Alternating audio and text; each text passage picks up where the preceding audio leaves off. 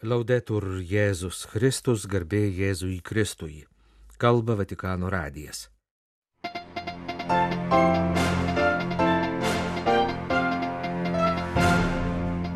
Artėjant pasauliniai ligonių dienai, popiežius susitiko su Romos vyskupijos sielovadininkais ir savanoriais tarnaujančiais ligonėms.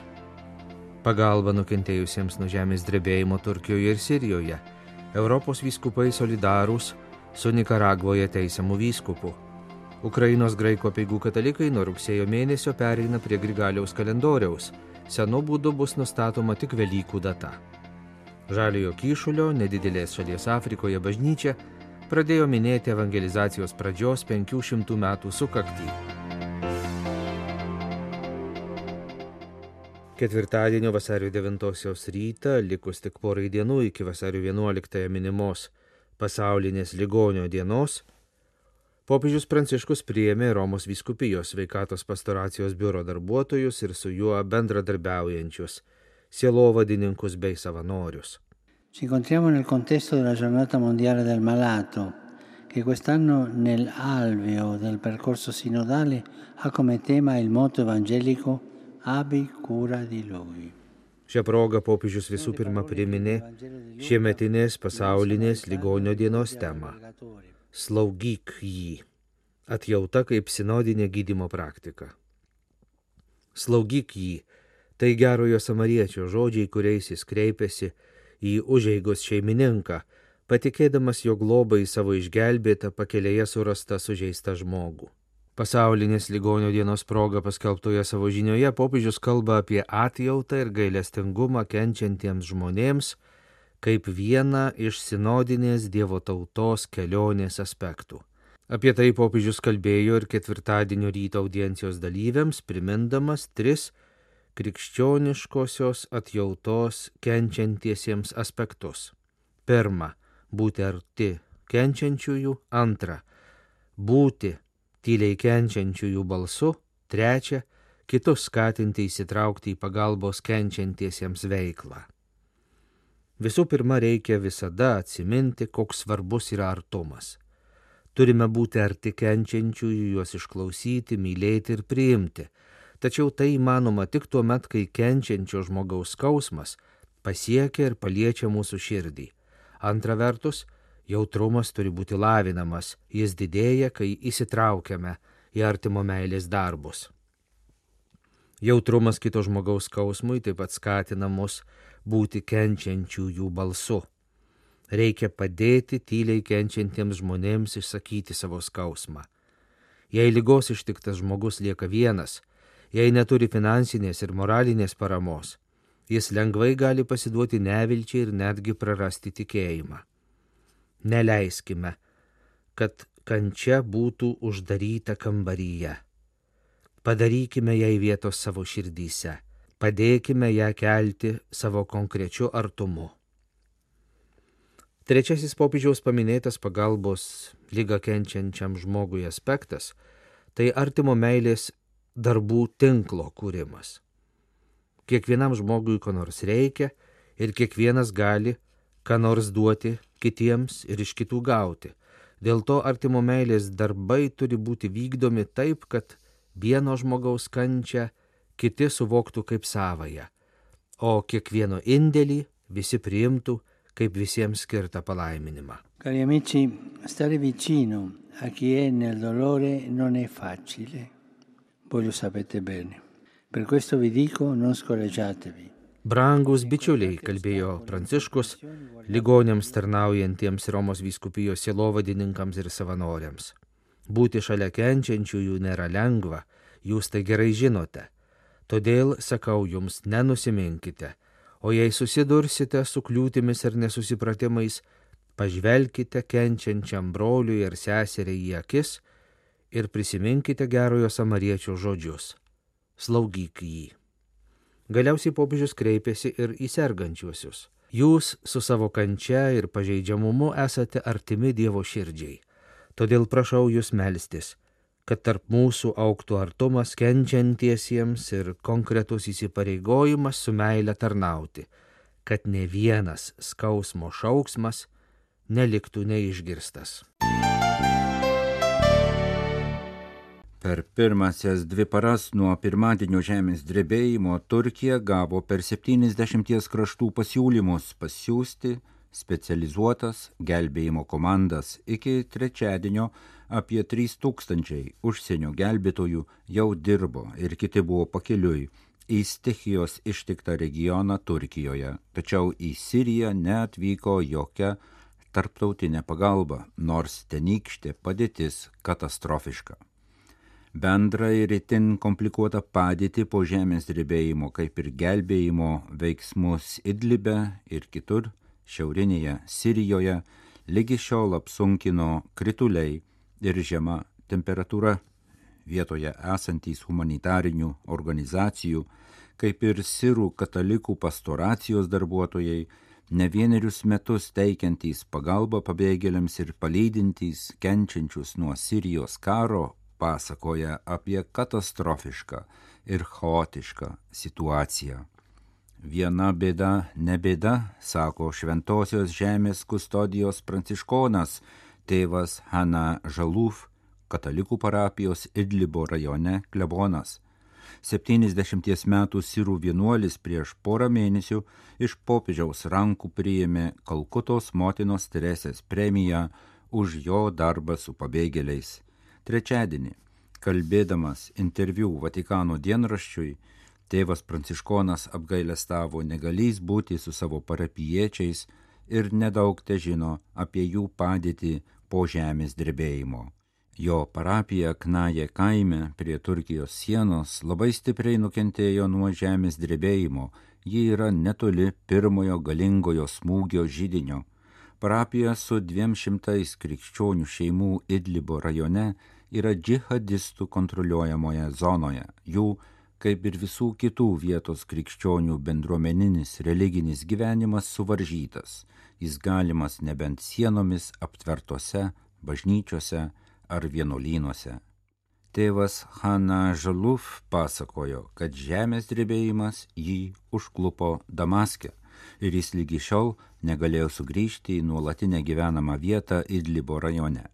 Jis mano negalėsis greitų laikų sugrįžti, nes visi keliai į šiaurę nutrūkę arba sugadinti. Jis neturi ryšio su kitais pasienio regione esančiais broliais pranciškonais, tačiau iš kitų šaltinių sužinojo, kad stichija smarkiai pažydė du pranciškonų vienuolynus - Knahe Šventojo Jozapo ir Jokūbija, nekalčiausiosios mergelės Marijos. Jie nebetinkami naudoti. Tame regione didelis žuvusių skaičius, sako, mirė 800 žmonių, tarp jų daug vaikų, pasakojo klebonas Jis sakė esas labai nusivylęs, kad negali būti tarp savo žmonių. Jam nemažiau rūpi likimas visų, kurie nuo karo baisumo pasitraukė į Turkiją ir pasiliko pasienio zonoje. Maždaug trečdalį Antiochijos esančios už 40 km gyventojų sudaro sirai pabėgėliai. Bijau, kad karas ir sankcijos dar labiau atitolins pagalbą ir paramą, ypač tarptautinę nukentėjusiems nuo žemės drebėjimo, esame priversti apsieiti patys, pažymėjo Sirijos pranciškonas. Sirijos patriarchai ir bažnyčių vadovai bendrame pareiškime po žemės drebėjimo pareiškė, kad vakarų šalių ir organizacijų Sirijos Arabų Respublikai taikomi ekonominiai embargai ir sankcijos turi būti nedelsiant panaikinti. Jie kreipėsi į Junktinių tautų organizaciją ir į sankcijas Sirijai taikančias valstybės, prašydami atšaukti nesažiningus ekonominius embargus ir pradėti humanitarinės iniciatyvas, kad kenčiantiems Sirijos gyventojams būtų suteikta pagalba. Pareiškimą be kitų pasirašė Sirų ortodoksų Antiochijos patriarchas Ignacas Afremas II, graikų ortodoksų Antiochijos patriarchas Johanas X ir graikų katalikų melkitų Antiochijos patriarchas Jusefas I Apsi. Jūs klausotės Vatikano radio tęsinę programą. Artėja Matagalpos viskupijos Nikaragvoje ganytojo Rolando Alvariuso bylos svarstymas. Jis buvo numatytas kovo pabaigoje, tačiau gali būti paankstintas ir prasidėti jau vasario viduryje ar antroje mėnesio pusėje. Ši byla yra politinė, sureksta autokratiško prezidento Danieliaus Ortego režimo nurodymu, kaip ir daugelio kitų režimą kritikavusių asmenų atžvilgių. Keli vyskupo bendradarbiai kunigai, seminaristai, diakonas, pasaulietis jau sulaukė dešimties metų kalėjimo nuosprendžio už tariamą sąmokslą prieš valstybę ir klaidingų žinių skleidimą. Tuo pačiu kaltinamas ir vyskupas. Matagalpos vyskupo ir kitų šios viskupijos bendruomenės narių teismas yra tik vienas iš platesnės represijų ir bauginimo bangos nukreiptos prieš katalikų bendruomenę epizodų. Tačiau tokiame sunkiame kontekste ji nėra viena jos herojiškumas yra regimas, užtikrino kardinolas Žanas Klodas Holerišas, Luksemburgo arkivyskupas, laiške Nikaragvos viskupų konferencijai, kurį jis pasirašė kaip ES viskupų konferencijų komisijos KOMC pirmininkas. Tokiomis nepalankiomis aplinkybėmis mūsų mylimos bažnyčios Nikaragvoje tikėjimo liūdėjimai, parimti Evangeliją ir bendruoju socialiniu gėriu kelia susižavėjimą ir nelieka nepastebėti, pažymė kardinolas Žanas Klodas Holerišas. Pasak jo, Nikaragvos bažnyčios ištikimybė viešpaties Jėzaus Kristaus žiniai ir atsidavimas artimo labui yra pavyzdys ir modelis, kuriuo reikėtų sekti daugelįje kitų persekėjimo situacijų, kurių dėja įvairiose pasaulio vietose daugėja.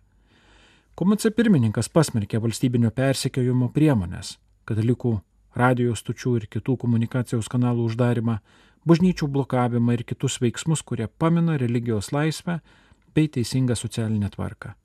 Jis pažadėjo, kad komice stengsis padaryti viską, ką gali, taip pat ir ES institucijose, kad neteisingai apkaltintieji ir nuteistieji būtų išlaisvinti, kad Nikaragva būtų laisva, teisinga, demokratinė valstybė.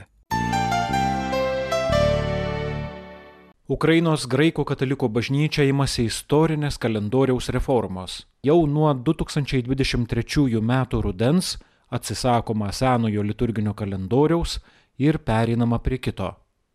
Ukrainos graikų katalikų bažnyčios pranešimuose ir jos didžiojo arkivyskupo Svetoslavo Šepčiuko vasario 6 dienos komentare Žyve TV laidoje nurodoma, kad jau nuo 2023 rugsėjo 1 liturginių metų pradžios šios bažnyčios bendruomenės bus pakvestos laikytis naujojo kalendoriaus ir ateinančias kalėdas švęsti gruodžio 25-ąją, o ne dviem savaitėmis vėliau pagal senąjį Julijaus kalendorių.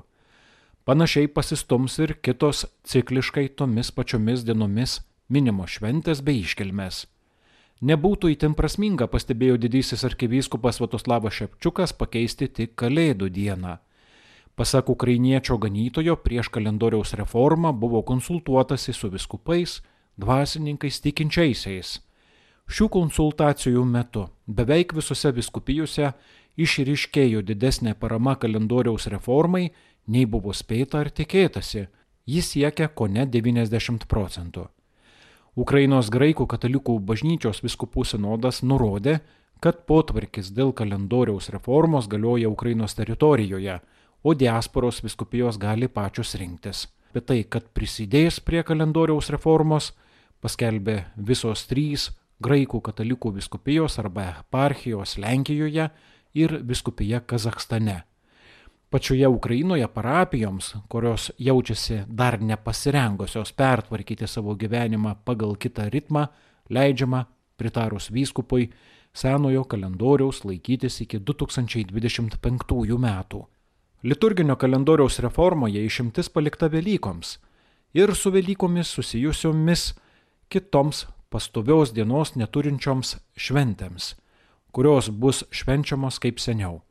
Kaip paaiškino didysis arkivyskupas Vatoslavas Šepčiukas, tai susiję su ekumeniniais pokalbiais tarp Konstantinopolio patriarchato ir Romos apie bendrą Velykų datos nustatymą, ypač žvelgiant į 2025-uosius, kai bus minimas 1700 metų Nikėjos pirmojo ekumeninio ir visuotinio bažnytinio susirinkimo jubiliejus. Kaip jau rašė ukrainiečių religinių žinių agentūra Rysų, šiais klausimais didysis arkivyskupas jau kalbėjusi ir su Ukrainos ortodoksų bažnyčios galva Epifanijumi. Bažnyčioje Žaliojo Kyšulio Respublikoje, salų valstybėje Atlanto vandenyne prasidėjo Santiago vyskupijos įkūrimo 500 metų jubiliejaus šventė. Jubiliejaus programa tęsis dešimtmetį iki 2033 metų. Vyskupai pakvietė visus salų gyventojus ir diasporos tautiečius švesti jubiliejų kartu. Vyskupai jubiliejui skirtame pastoracinėme laiške pakvietė savo ganomuosius džiūgauti nes viešpats savo tautai padarė nuostabių dalykų. Viskupijos įkūrimo jubiliejaus tema - Žaliojo Kyšulio Santiago viskupija 500 samoningos ir misionieriškos bažnyčios metų. Taip pat paskelbtas jubiliejaus šūkis - Eikite ir mokykite visai kūrinyjei, aš esu su jumis per visas dienas. Bažnyčios Žaliojo Kyšulio Respublikoje pradžia sutampa su XVI amžiuje Portugalijos pradėta salų kolonizacija ir 1533 metais įsteigta Žaliojo Kyšulio Santiago viskupija, kurios teritorija anuomet apėmė didžiulius Portugalijos užvaldytus vakarinės Afrikos plotus dalinai ar visiškai apimančius aštuonias vakarinės Afrikos valstybės - Senegalą, Gambiją, Bisau Gvinėją, Gvinėjos Respubliką, Sierra Leone, Liberiją, Malį ir Burkina Fasą. Pirmasias krikščionių bendruomenės sudarė europiečiai ir afrikiečiai vergai. Iš viso dešimtyje valstybės vulkaninės kilmės salų, iš kurių tik viena neapgyvendinta, gyvena daugiau kaip pusė milijono žmonių, per 90 procentų katalikai, kiti sudaro protestantų, budistų ir musulmonų mažumų bendruomenės. Vos ne visi vietiniai yra kreolų gymio, būdingo žaliojo kyšulio salų gyventojams. Amžių bėgyje kolonistai iš įvairių Europos kraštų susimaišė su vergais paverstais afrikiečių genčių kilmės gyventojais. Dėl ko mums džiūgauti žinant, kokia sunki mūsų istorija, klausė pastoracinėme laiške vyskupai, prisimindami, kad vergovė kilo dėl nuodėmės. Galime ir turime džiūgauti todėl, kad Evangelija yra išsilaisvinimo naujiena, o Evangelijos žinia moko, kad Dievo akivaizdoje visų orumas lygus. Visi esame seserys ir broliai. Pažymėjo laiške bažnyčios žaliajame kišulyje vyskupai.